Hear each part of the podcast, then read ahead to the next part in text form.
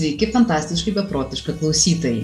Su jumis Tolkien Lietuvos nariai Eglė ir Kastytis. Ir mes pasakojame apie antrąjį viduržėmės amžių, kuriame vyks artėjančio serialo The Lord of the Rings, The Rings of Power veiksmas. Šiandien mūsų tema - Numenoro iškilimas.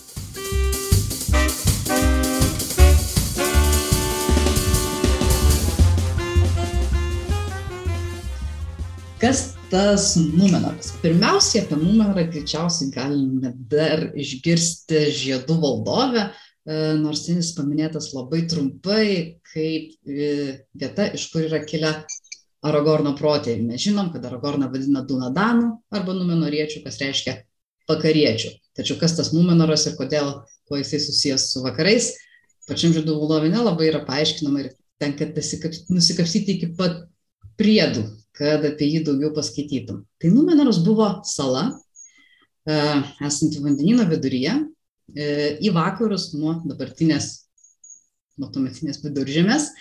Ir Numenoras atsirado labai nepaprastomis aplinkybėmis. Mes jau truputėlį anksčiau kalbėjome, kad antras amžius prasideda po didžiulės kataklizmos, kai kovoje su pirmuoju blogio valdovu Morgotu tos pasaulį sutvėrusios galios, galime juos vadinti dievais ar angelais, kovoje su juo, na, iš esmės nuskandina didžiulį, didžiulį gabalą žemyno. Ir visiems, kas tame žemynė iki tol gyvena, tenka kažkur kraustytis. Elfai išvyksta į šventuosius kraštus, į tuos kraštus, kur ir gyvena. Pasaulį sutvėrė dievai. Tačiau žmonėms ten vykti negalima. E, tačiau palikti jų tiesiog taip likimo valiai irgi e, nenorima, nes e, kelios žmonių gentys prisidėjo prie elfų tame sunkiame, ilgus amžius trukusiame kare su Morgotu ir, na, norisi juos apdovanoti, norisi jiems suteikti kažką ypatingo. Taip ir atsiranda Numenoras. Toli, toli apsuptas jūros, niekam, niekam, niekam nepasiekiamas, saugi e, vieta ir jie visi susidinami į laivus ir leidimi, vedami žvaigždės e, rendelio, e, persikelia į tą salą. Ir ta sala buvo, na, visai kaip apdovanota, jinai buvo turtinga, saugi, šilta, ir patys žmonės, jie gyveno, jie buvo stiprus, jie buvo geros sveikatos, jie buvo visi labai labai ilgamžiai, e, ypatingai jų valdovai. E, tai tą salą jie taip pat ir vadino Saladovana Andaru, e, bei dar vienas Benumenoro salos pavadinimas buvo Elena, kas reiškia žvaigždė. Ir žvaigždynai buvo vadinama dėl savo labai irgi specifinės geografijos. Kastyti, tu truputį geriau atsiminsi šitus dalykus, to papasakok apie, apie Numenoro geografiją. Taip, um, Numenoras žvaigždė pavadintas ne, ne šiaip savo, o dėl to, kad būtent salos forma ir primena penkiakampę žvaigždę. Uh, tai yra ir centrinis, na, buvo centrinis regionas ir penki iškišuliai panašaus dydžio vienas nusidriekęs į šiaurę, du į šiaurės rytus ir šiaurės vakarus ir dar du į pietryčius ir pietvakarius. Um, na ir šita sala uh, buvo ir kažkiek gal ir administraciškai, bet na, geografiškai suskirstyta į regionus, kiekvienas iš šalies kaip atskiras regionas. Uh, su šiek tiek savita galbūt ir kultūra, ir gamta. Ir taip pat centrinė, centrinė dalis, kurioje, galima sakyti, buvo ir pačios salos ir galios centras ir labiausiai apgyvendintas ir labiausiai civilizuotas kraštas. Galios centras tai buvo sostinė, Armenelosas šiek tiek į rytus nuo salos centro ne, ne jūros pakrantėje, bet irgi netoli, netoli gilios įlankos tarp dviejų rytinių iškišulių, gilios Romenos įlankos, po tos įlankos žiotise stovėjo Romenos uostas. Romena reiškia rytinis uostas, taigi būtent rytų uostas ir Armenelos, kuri buvo sostinė. Pačioje, pačiame salos centre stuksojo milžiniškas kalnas Meneltarma, kuris irgi turėjo tarsi tokias penkias penkias atšakas, na, besiderėkančias kiekvieną iš iškišulių link. Ir kalnas kilo, kilo į dangų, į padangęs ir jo viršūnė buvo lygi, lina, tiesiog tarsi aikštė.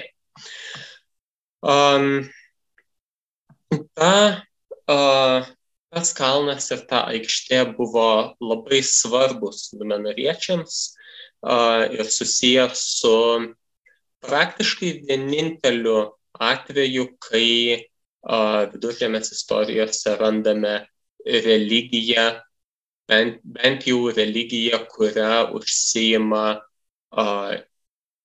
galima sakyti, gėrio jėgų atstovai. Nes tikrai randame keletą atvejų, kai apibūdinami, tarkim, vairūs kultai, ar kas nors, ar koks nors mm, tamsos valdovo Morgoto ar Saurono šlovinimas, bet tai būtent religija yra iš blogosios pusės, kaip suklaidinimas žmonių ir panašiai. O čia Numenore turime vieną atvejį, kai tokia tikrai išskirtinė ir aiški religija, kurią turi būtent gėrio atstovai. Taigi, Nilda, gal papasakok, kaip ta religija pasireiškia ir kuo jis susijusi su to kalnu. Taip, ir čia iš tikrųjų man, man ko gero, vienas gražiausių iš fantastiniuose kūriniuose aprašytų religinio peigų yra. Tai Meneltarma, tas salos vidurėje esantis kalnas, ir buvo apieigų vieta. Šiaip buvo galima, aišku, ant to kalno apsilankyti visiems norintiems bet kuriuo metu. Į kalnas buvo aukštas, tačiau jį, jį vedė patogus takas ir taku būtų galima užlipti e, ir ten pabūti. E, paprotys tačiau buvo toks, kad ant kalno buvo laikomasi visiškos tylos. E, ir tris kart per metus būdavo šventės. Pavasarį, atsibūdant gamtai, būdavo švenčiama erokernė, vasarą erolaitalė ir rudenį dėkojant už metų derlį, erohantalė. Visose šitose pavadinimuose yra žodis ero, kuris ir yra a, Dievo sutvėrėjo vardas. Ir šitų švenčių metu susirinkdavo numenorienai e, ant to kalno visiškoje tyloje, tačiau būtent e, vienas, vienintelis, kuris e, tas apygas vesdavo ir kuris galėdavo tą tylą sudrumsti, tai būdavo valdovas, nes būtent valdovas atlikdavo apygas ir sukalbėdavo maldą. Ar galbūt labiau reikėtų sakyti, kad, na, kaip padėko žodį, nes, na, tos visos šventės ir yra ar padėka erų, ar erų pašlovinimas, ar erų pagarbinimas. Uh, tai, tai ir buvo viena iš valdovo pareigų. E, atlikti šitas apygas ir e, kaip ženklas, kad e, iš aukščiau tos maldos yra priimamas, būdavo tai, kad švenčių metu virš kalno sukdavosi ereliai. Ir mes jau ir hobitė sutinkam erelius kaip gerą ženklą, mes žiedų valdovo pabaigoje matom, kad ereliai atskrenda kritiniu momentu į pagalbą. Uh, bet tas ir ankstesnėse knygose tie realiai kartojasi ir, na, erelius ir siunčia. Tai yra dievų pasiuntiniai, e, e, skrendantis kartais į pagalbą, kartais tiesiog na, būti svarbių įvykių liudininkais. Ir kad jau prakalbom apie karalius, tai pakalbėkim apie valdovus, kas valdė, kas valdė Numenorą ir nuo ko prasidėjo karališkoji giminė. Praeitoje uh, tinklalaidės serijoje kalbėjome apie Elrondą, uh, kuris vadinamas puselfiu ir taip pat apie jo giminę. Kodėl jis vadinamas puselfiu, nes jis, na, tarp jo protėvių buvo ne viena, o dvi žmonių ir elfų sąjungos. Um, Elrondas turėjo brolį dvynį, Elrosą. Ir pirmojo amžiaus pabaigoje, kai buvo įveiktas blogio valdovas Morgotas, Elrondui ir Elrosui buvo suteiktas pasirinkimas, ar jie nori uh, būti kaip elfai, ar jie nori būti kaip žmonės nes elfų ir žmonių prigimtis viduržėmė yra labai skirtinga. Žmonės numirę iškeliauja kažkur visiškai už viduržėmės ribų, tai yra jų sielos palieka pasaulį. Tuo tarpu elfai, jie net ir žuvę, na, šiaip yra nemirtingi, bet e, net jeigu žūsta, tarkim, tai jų sielos nukeliauja į Valinorą, į šventąjį kraštą ir tenai pasilieka. O ir nuo pasaulio jie nėra atskirti. Taigi, Elrondui ir Elrosui buvo suteiktas pasirinkimas būti vienokiais arba kitokiais, nes arpinio varianto negali būti. Elrondas pasirinko būti elfu, jo brolis Elrosas pasirinko būti žmogumi. Ir Elrosas nus, ir kartu su kitais žmonėmis išsikraustęs į Numenorą, tapo pirmoju Numenoro valdovu. Jis priėmė titulą Arminiatur, kas uh, ar uh, žodis reiškintant valdovą, miniatur yra uh, žodis kilęs nuo kveniško, tai yra vienos iš elfų kalbų žodžio minija, kas reiškia pirmas. Taigi, pirmasis valdovas. Jis, kaip ir kiti numenoriečiai, bet būtent Elvasas ir jo palikuonis buvo apdovanoti ypatingai ilg, um, ilgų gyvenimų. Um, Elvasas mirė būdamas 500 metų amžiaus. Uh, tada jau ėjo 442 antrojo amžiaus metai. Taigi daugiau nei keturis šimtmečius uh, Numenorą valdė tas pats Elvasas. Uh, Bet vėliau per daugiau nei 3200 amžiaus metų buvo daug, daugiau Numenoro valdovų, bet jie visi buvo tos Elroso giminės atstovai, Elroso palikuonis. Kai ta, ta Elroso giminė vis plėtėsi ir, um, ir galiausiai, na, iš jos kilo ne vien Numenoro valdovai, bet taip pat ir kiti, kiti svarbus asmenys sutinkami vėlesnėse istorijose. Taip, ir vienas iš jų yra vėlgi jau mūsų šiandien minėtas Aragornas.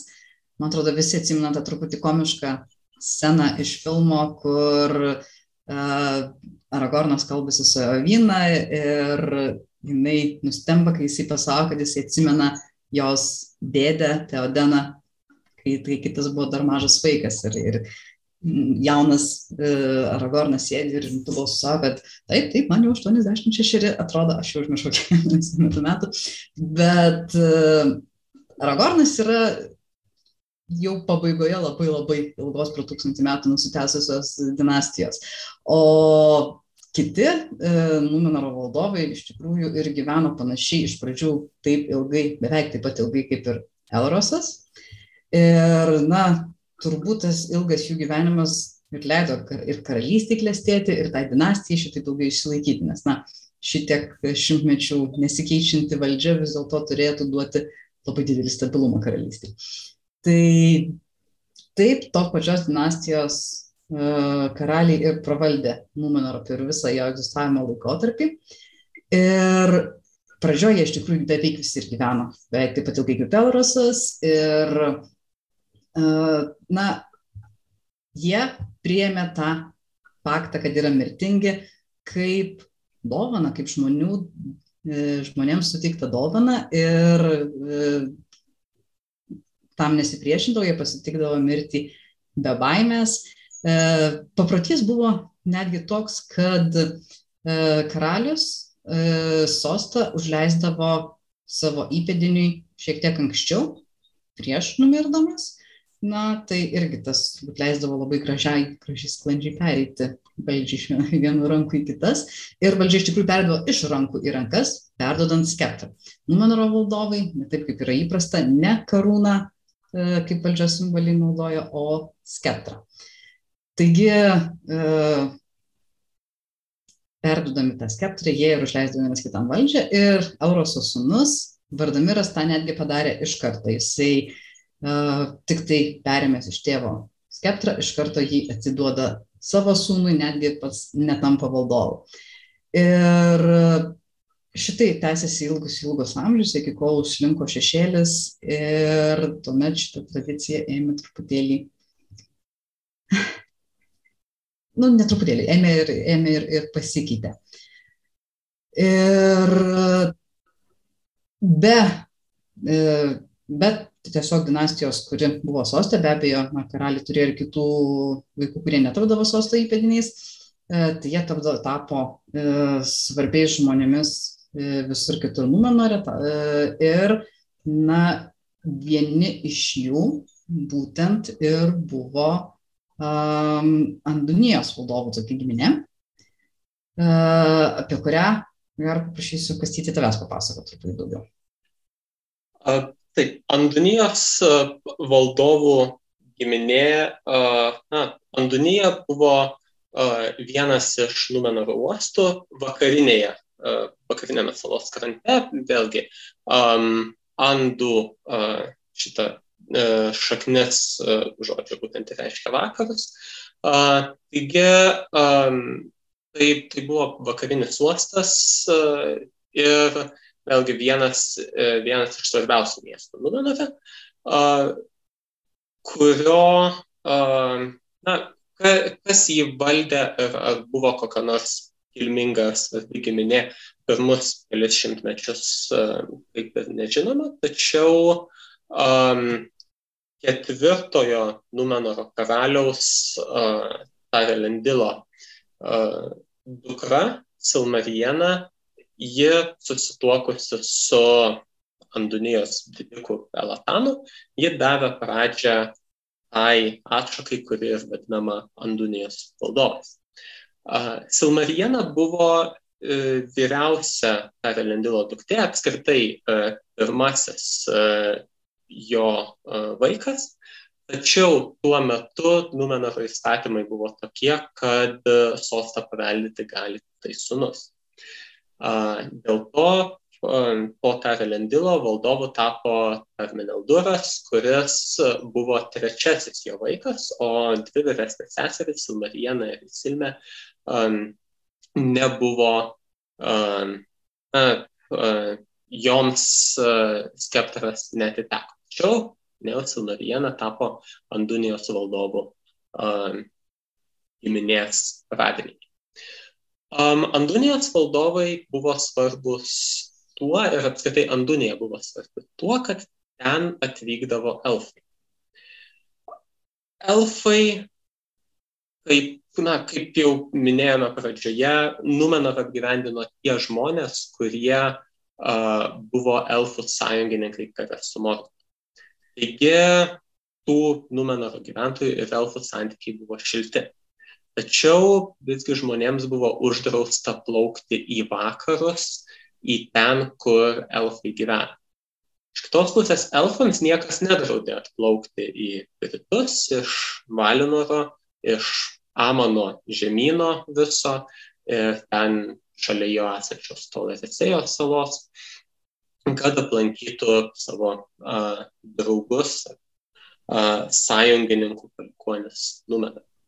Ir elfai vis tenai a, atplaukdavo. Um, jie atplaukdavo ir uh, atveždavo įvairių dovanų.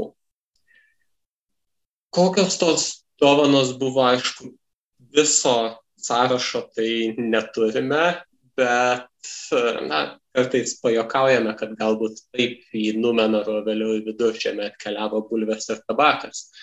Bet tai jau, tai jau būtų turbūt per didelė analogija su, su tuo, kad neva Amanas tai Amerika, nes Amanas tai nebuvo Amerika.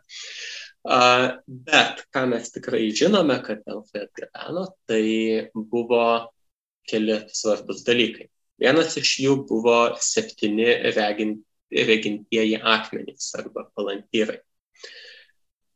Palantyrai greičiausiai buvo uh, Fenoro, galingiausio elfų meistro kadaise padirbti, pagaminti um, objektai, rutuliai, kurie, kuriuos turėdami žmonės ar elfai galėjo tarpusavėje komunikuoti. Uh, na, Fenoras jis žuvo dar pirmojo amžiaus pačioje pradžioje, uh, taigi uh, Taigi ilgą laiką tie palantyrai buvo palinami, bet vėliau jie buvo atgabenti ir įteikti kaip dovana žmonėms. Na, o vėliau tie palantyrai keliavo ir į viduržėmę ir galiausiai dalis jų buvo prarasti, dalis išliko per tūkstančius metų ir keli figuravo net ir žydų valdovų įvykiuose.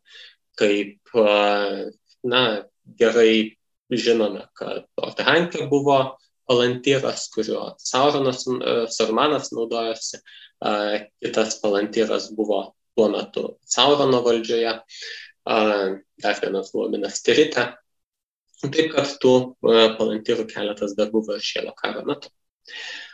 Dar viena elfų dovana buvo baltasis medis. Baltasis medis tai manoma, kad buvo galbūt giminingas vienam iš valinoro medžių, kurie tolimoje praeitie teikia šviesą žemė. Tačiau bet kuriuo atveju tai buvo medis, kuris greitai tapo Numenoro valdovų ir Elroso giminės tarsi simboliu ir jis buvo auginamas val, auginamas Numenore Numenoro sostinėje Armenelose karališkuosiuose rūmuose. Vėliau vėlgi to baltojo medžio šakelė buvo nugabenta į viduržėmę ir tapo Gondoro baltojo medžio, uh, tapo Gondoro baltuoju medžiu, kurį irgi matome žiedų valdovę. Taigi E, šitos dovanos, na, jos rodo, kad elfų ir žmonių santykiai bent jau pirmuosius antrą amžiaus šimtmečius buvo labai, um, labai, labai draugiški. Bet visgi išliko tasai draudimas, kad elfai pas žmonės atplaukti gali, o žmonės pas elfus į vakarus plaukti negali. Nilda, gal daugiau nori papasakoti apie tą draudimą? Taip na tai jau iš karto kai pasakojime atsiranda kažkoksai draudimas mes jau taip ir suprantam kad čionais jau ir bus tasai užgintas vaisius kurio vis tiek kas nors anksčiau ar vėliau užsimanys nusiraškyti.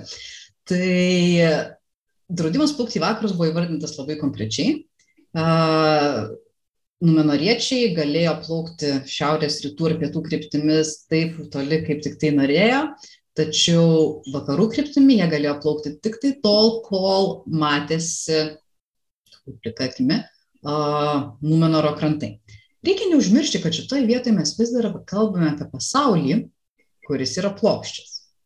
Ir truputėlį sunku įsivaizduoti, kaip tiksliai tas a, veiktų, tačiau bent jau horizonto linija turėtų būti absurdiškai toli. Ir plaukdamas nuo kažkokios salos tolyn, tu jos kranto liniją turėtum matyti, na gerai, esant geram orui, neapsiniaukus be rūko, bet na, turėtum tą matyti labai labai ilgai. Uh, tai na, tas atstumas netoks ir mažas, jie tikrai turėjo laisvės plaukioti ir, ir, ir valdyti jūras ir iš tikrųjų tą labai sėkmingai darė, apiplaukė visus, visus įmanomus pasaulio kraštus. Uh, tačiau šitas draudimas vis dėlto jiems buvo skaudinantis, liūdinantis ir neraminantis. Na ir jis neišvengiamai buvo labiausiai susijęs su tuo, kad na, jiems draudžiama apsilankyti šventuosiuose kraštuose, kur gyvena nemirtingi pasaulio sutvėrėjai, kur gyvena irgi nemirtingi elfai, o jie, nors ir gyvena labai ilgai, ypač karalių giminė, vis dėlto yra mirtingi. Ir tas jų mirtingumas ir tas draudimas plaukti į, vakarus jiems buvo labai labai stipriai susijęs. Ir na, jie pradėjo vėliau jaustis apgauti, nuskriausti, ap, tiesiog na, apiplėšti, nes na, iš jų to paties pasirinkimo, kurį savo laiku padarė Elrosas, niekas jau, e, jiems tokio pasirinkimo niekas iš naujo nedavė.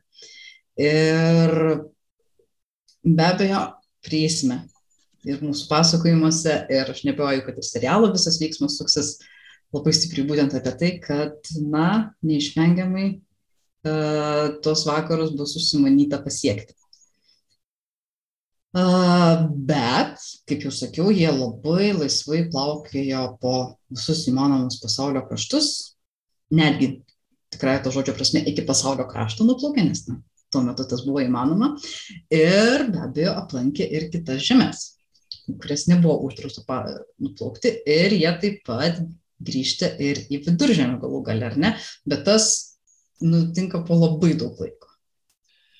Taip, um, tikrai ilgai užtrunka numenariečiams sugrįžti į viduržėmę, nes, na, jie į numenaras atsikrausto būtent iš uh, viduržėmės uh, vakarinių pakrančių. Tas kraustimas trunka um, bent keliasdešimt metų, tačiau vėliau kelis šimtmečius jie savo ramiai savo saloje gyvena. Kažkiek gal ir plaukioja po jūras, bet um, bent jau reikšmingų ekspedicijų į viduržėmę nevykdo iki 600 metų. Uh, būtent tais metais uh, tuometinio uh, karaliaus Armenel, na, tuometinio būsimo sosto paveldėtojo Karmenelduro uošvis Venturas surengė ekspediciją ir nuplaukė į viduržėmę, nuplaukė iki um, elfų karalystės Lindono ir tenai uh, susitinka su elfų karaliumi Gilgaladu. Uh, tai, tai yra vienas iš svarbių, um, svarbių įvykių, nes tai yra pradžia labai daug metų. Tiesioginė to žodžio prasme tūkstantmečius trukusios uh, sąjungos tarp Numenoro žmonių ir viduržėmės elfų. Viduržėmės elfai, jie na, taip pat užsima kažkiek laivybą, bet jie į plačiasias jūras neplaukia, taip kad jie iki Numenoro, uh, na bent jau tuos 600 metų neatplaukia. Um, Ir, ir dėl to, kaip tik numenoriečiai e, pas tuos, e, pas tuos elfus atplaukė ir e, pradėjo domėtis, kas šitoje viduržėmėje vyksta. Um, apie tai, kaip, kaip elfai gyveno viduržėmėje tuos 600 metų ir vėliau, uh, pakalbėsime kitose serijose, dabar labiau koncentruojamės į um, į Numenorą ir tai, kas, kas vyksta tenai. O tenai po tos pirmosios ekspedicijos netrukus pradeda ekspedicijų į viduržėmę vykti vis daugiau ir laivyba vis labiau vystosi. Ir čia mes prieiname prie vienos iš labai nedaugelio plačiai aprašytų antrojo amžiaus istorijų, yra istorijos apie Aldarijoną ir Erendisą. Milda, papasakok apie tai. Taip, tai Aldarijonas ir Erendis, e, e, dar kitaip vadinama Jūreivio žmonos e, sakmė, ją galite rasti Unfinished Tales, pasakoja apie Aldarijoną, kuris buvo princas, sosto paveldėtojas. Turbūt įsivaizduot, kad Numenore, kur karaliai taip ilgai gyvendavo, sosto paveldėtojai ilgai ilgai laukdavo to savo skeptro, tai be abejo turėdavo užsiimti kažkokiam kitom veiklom tuo metu.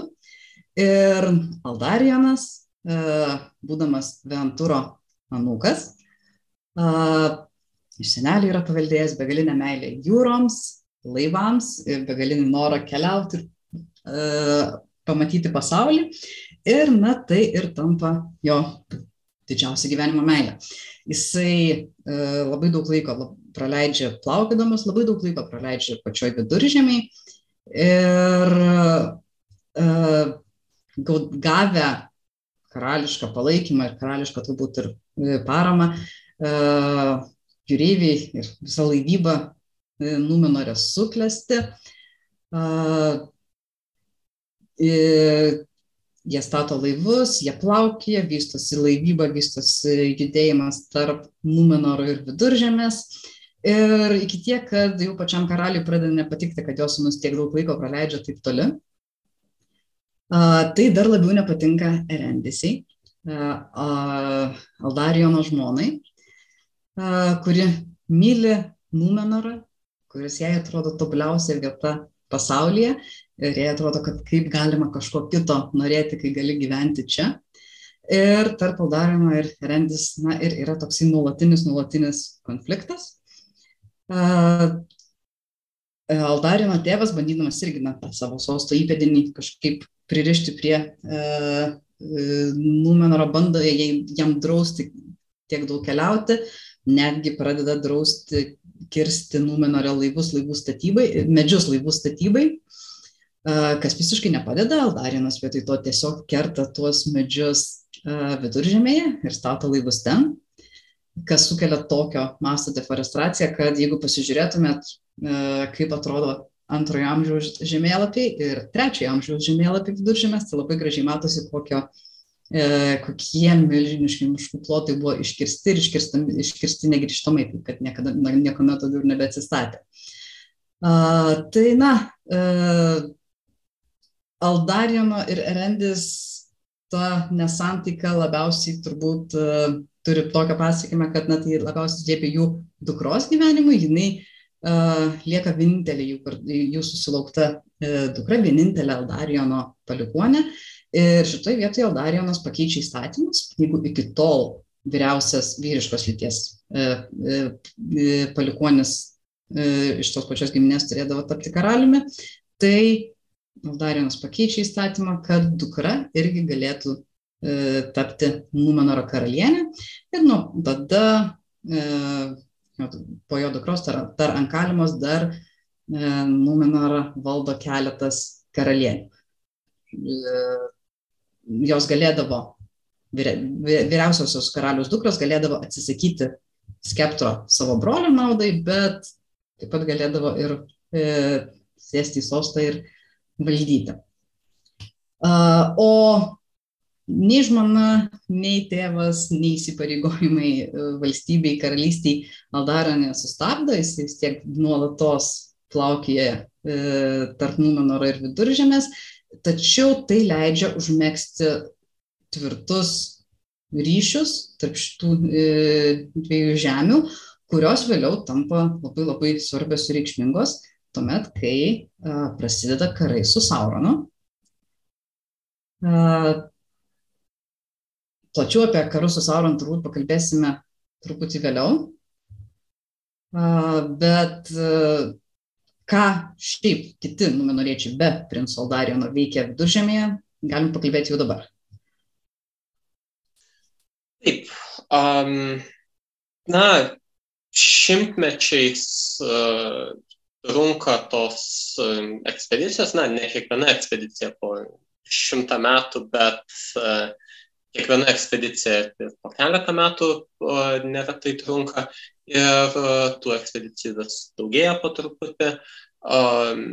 Numenoriečiai tada susiduria su ne tik su elfais, su kuriais palaiko tikrai draugiškus santykius, kas gal net truputį keista atrodo, turint omeny, kiek numenoriečiai naikina miškus, bet visgi elfai arba sutinka su tuo, arba jie pasidalina, kuriuos, kuriuos miškus numenoriečiai gali iškirsti, o kurių ne, ar dar kaip nors šitą istoriją sutylė. Bet bet kuriuo atveju numenoriečiai susiduria ir su a, kitais vietiniais gyventojais, kurie nėra tokie draugiški. Tai yra vietiniai žmonės, kurie um, likę gyventi viduržėmėje, jie yra daug labiau, galima sakyti, primityvus ta um, civilizacija, prasme, jie neturi uh, didelių miestų ar uh, galingų laivų nestato ir panašiai, uh, tačiau vis tiek gyvena kartais ir nemažomis bendruomenėmis ir uh, būna, na ir jiems tikrai nepatinka, kad kažkokie čia iš vakarų atplaukia didžiūnai galingais laivais uh, kerta jų miškus. Um, taigi įvyksta ir e, įvairių konfliktų, numenoriečiai, e, numenoriečiams kyla e, poreikis įsirengti kažkokias rimtesnės stovyklas ir gyvenimais. Ir taip praėjus maždaug 750 ar šiek tiek daugiau metų po antrojo amžiaus pradžios įkūriamos pirmosios numenoriečių gyvenvietės, tarsi kolonijos viduržėmė. Uh, turbūt pirmoji iš jų yra Vinjalonde, tai yra uostas upės žiotise į pietus nuo tų vietų, kur tolimoje ateityje bus grafystė ir šiek tiek šiaurės vakarus nuo ten, kur bus Izengardas. Vinjalonde reiškia naujoji prieplauka iš krenija kalbos išvertus. Um, taigi vienas iš pirmųjų juostų. Tas pats Izengardas irgi vėliau numenariečių pastatomas. Um, toliau pietuose didžiosios upės Anduino žiotise jie įkūrė Pelargiro uostą, šiek tiek aukščiau uh, Anduinų paplaukę uh, įkūrė Osgiliato miestą ir abipus jo dvi tvirtovės, Saulės ir Menulio uh, tvirtovė, Saulės tvirtovė arba Minas Anoras vėliau yra pervadinamas į sargybos tvirtovę Minesterita uh, ir tampa Gondoro sostinė. Tuo tarpu Minas Įpilis, Menulio tvirtovė perimama Saurono ir tampa, tampa Minas Morgulu. Bet iki tų pasikeitimų dar labai labai daug laiko. Tačiau Sauronas kaip tam tikras blogis jau kyla ir egzistuoja. Apie 500 metus, uh, 500 antro amžiaus metus prasided, pradeda sklisti gandai iš rytų ir pasiekia vakaruose Lindone gyvenančių elfų ausis, kad kažkokios blogio jėgos tenai kyla ir telkiasi. Apie tūkstantuosius metus pradedamas statyti Bardūro bokštas Mordore. Taip, kad atsiranda, atsiranda blogio jėga. Kas yra ta blogio jėga, tuo metu nei elfai, nei norėčiai dar nežino ir ilgą laiką neišsiaiškina. Bet jie supranta, kad tas blogis egzistuoja ir kad sąjunga tarp numenariečių ir elfų tikrai yra svarbi ir reikalinga. Galbūt tai buvo viena iš priežasčių, kodėl elfai pro pirštus žiūrėjo į tą miškų kirtimą viduržėmė. Na, bet bet kuriuo atveju matome, kad nors ir lietai per šimtmečius keičiasi situacija, bet bręsta viduržėmė konfliktas, kuris kuris taps vienu iš svarbiausių posūkio taškų visoje antrojo amžiaus istorijoje.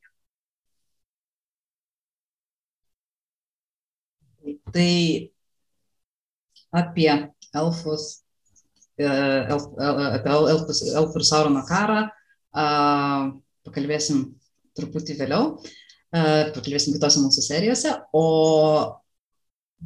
jeigu norit dar daugiau sužinot apie Numenorą ir pajausti to pasaulio atmosferą.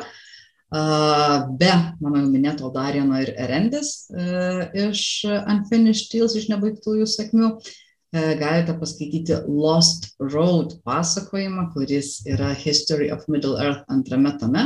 Na ir jisai pasakoja, kaip labai dar seną šitos istorijos versiją, dar prieš tai, kai E, Numenoras buvo taip, į viduržėmės istoriją įvestas. Tai ten galima, na ir pat, e, pamatyti, kaip tas pasaulis atrodo a, ir truputėlį tokių detalių sužinoti. Taip, ir, ir daugiau apie Numenorą yra viena kita a, detalė istorija ir kitose History of Middle Earth dalyse. A, tarkim, tie a, mano minėti konfliktai su vietos a, žmonėmis. Viena tokia istorija yra berods gal dešimtame tome, būtent pasakojama iš tų vietinių viduržėmės žmonių pusės, kaip, kaip jiems atrodo tie numenariečiai atplaukiantis. Kas man atrodo tikrai labai, labai įdomus pasakojimas yra tas kolonialistinis konfliktas, kuris irgi kilo iš tos pusės, kad numenariečiai įsivaizduodami, kad yra aukštesnės civilizacijos atstovai ir neša, neša šviesą ir apvaizdą viduržėmės tautoms, bet tos viduržėmės tautos greičiausiai visai taip negalvoja. A, taigi gal ką nors iš to pamatysime seriale Rings of Power, bet ką gali žinoti. Kaip jau nekartą minėjome, mes neįsivaizduojame, ko prigalvos serialo kuriejai, nes nelabai net aišku, į kokią medžiagą jie iš tiesų turi teisės. Atveis rugsėjais ir pamatysim. Belieka laukti. O tuomet kitą sykį mes uh, te, toliau tęsime pokalbius apie antrąjį amžių ir kitą sykį ir kalbėsim apie Elfų karalystės, apie Galadrielę ir Keleborną. Taip, O kol kas mes jau atsisveikiname. Tik tai dar kartą priminsime visiems klausytojams, kad labai laukiame jūsų klausimų apie antrąjį amžių ir šio apie Tolkieno kūrybą, į kuriuos pasistengsime atsakyti ir šių uh, ateinančių serijų metu. O kol kas, iki kitų kartų.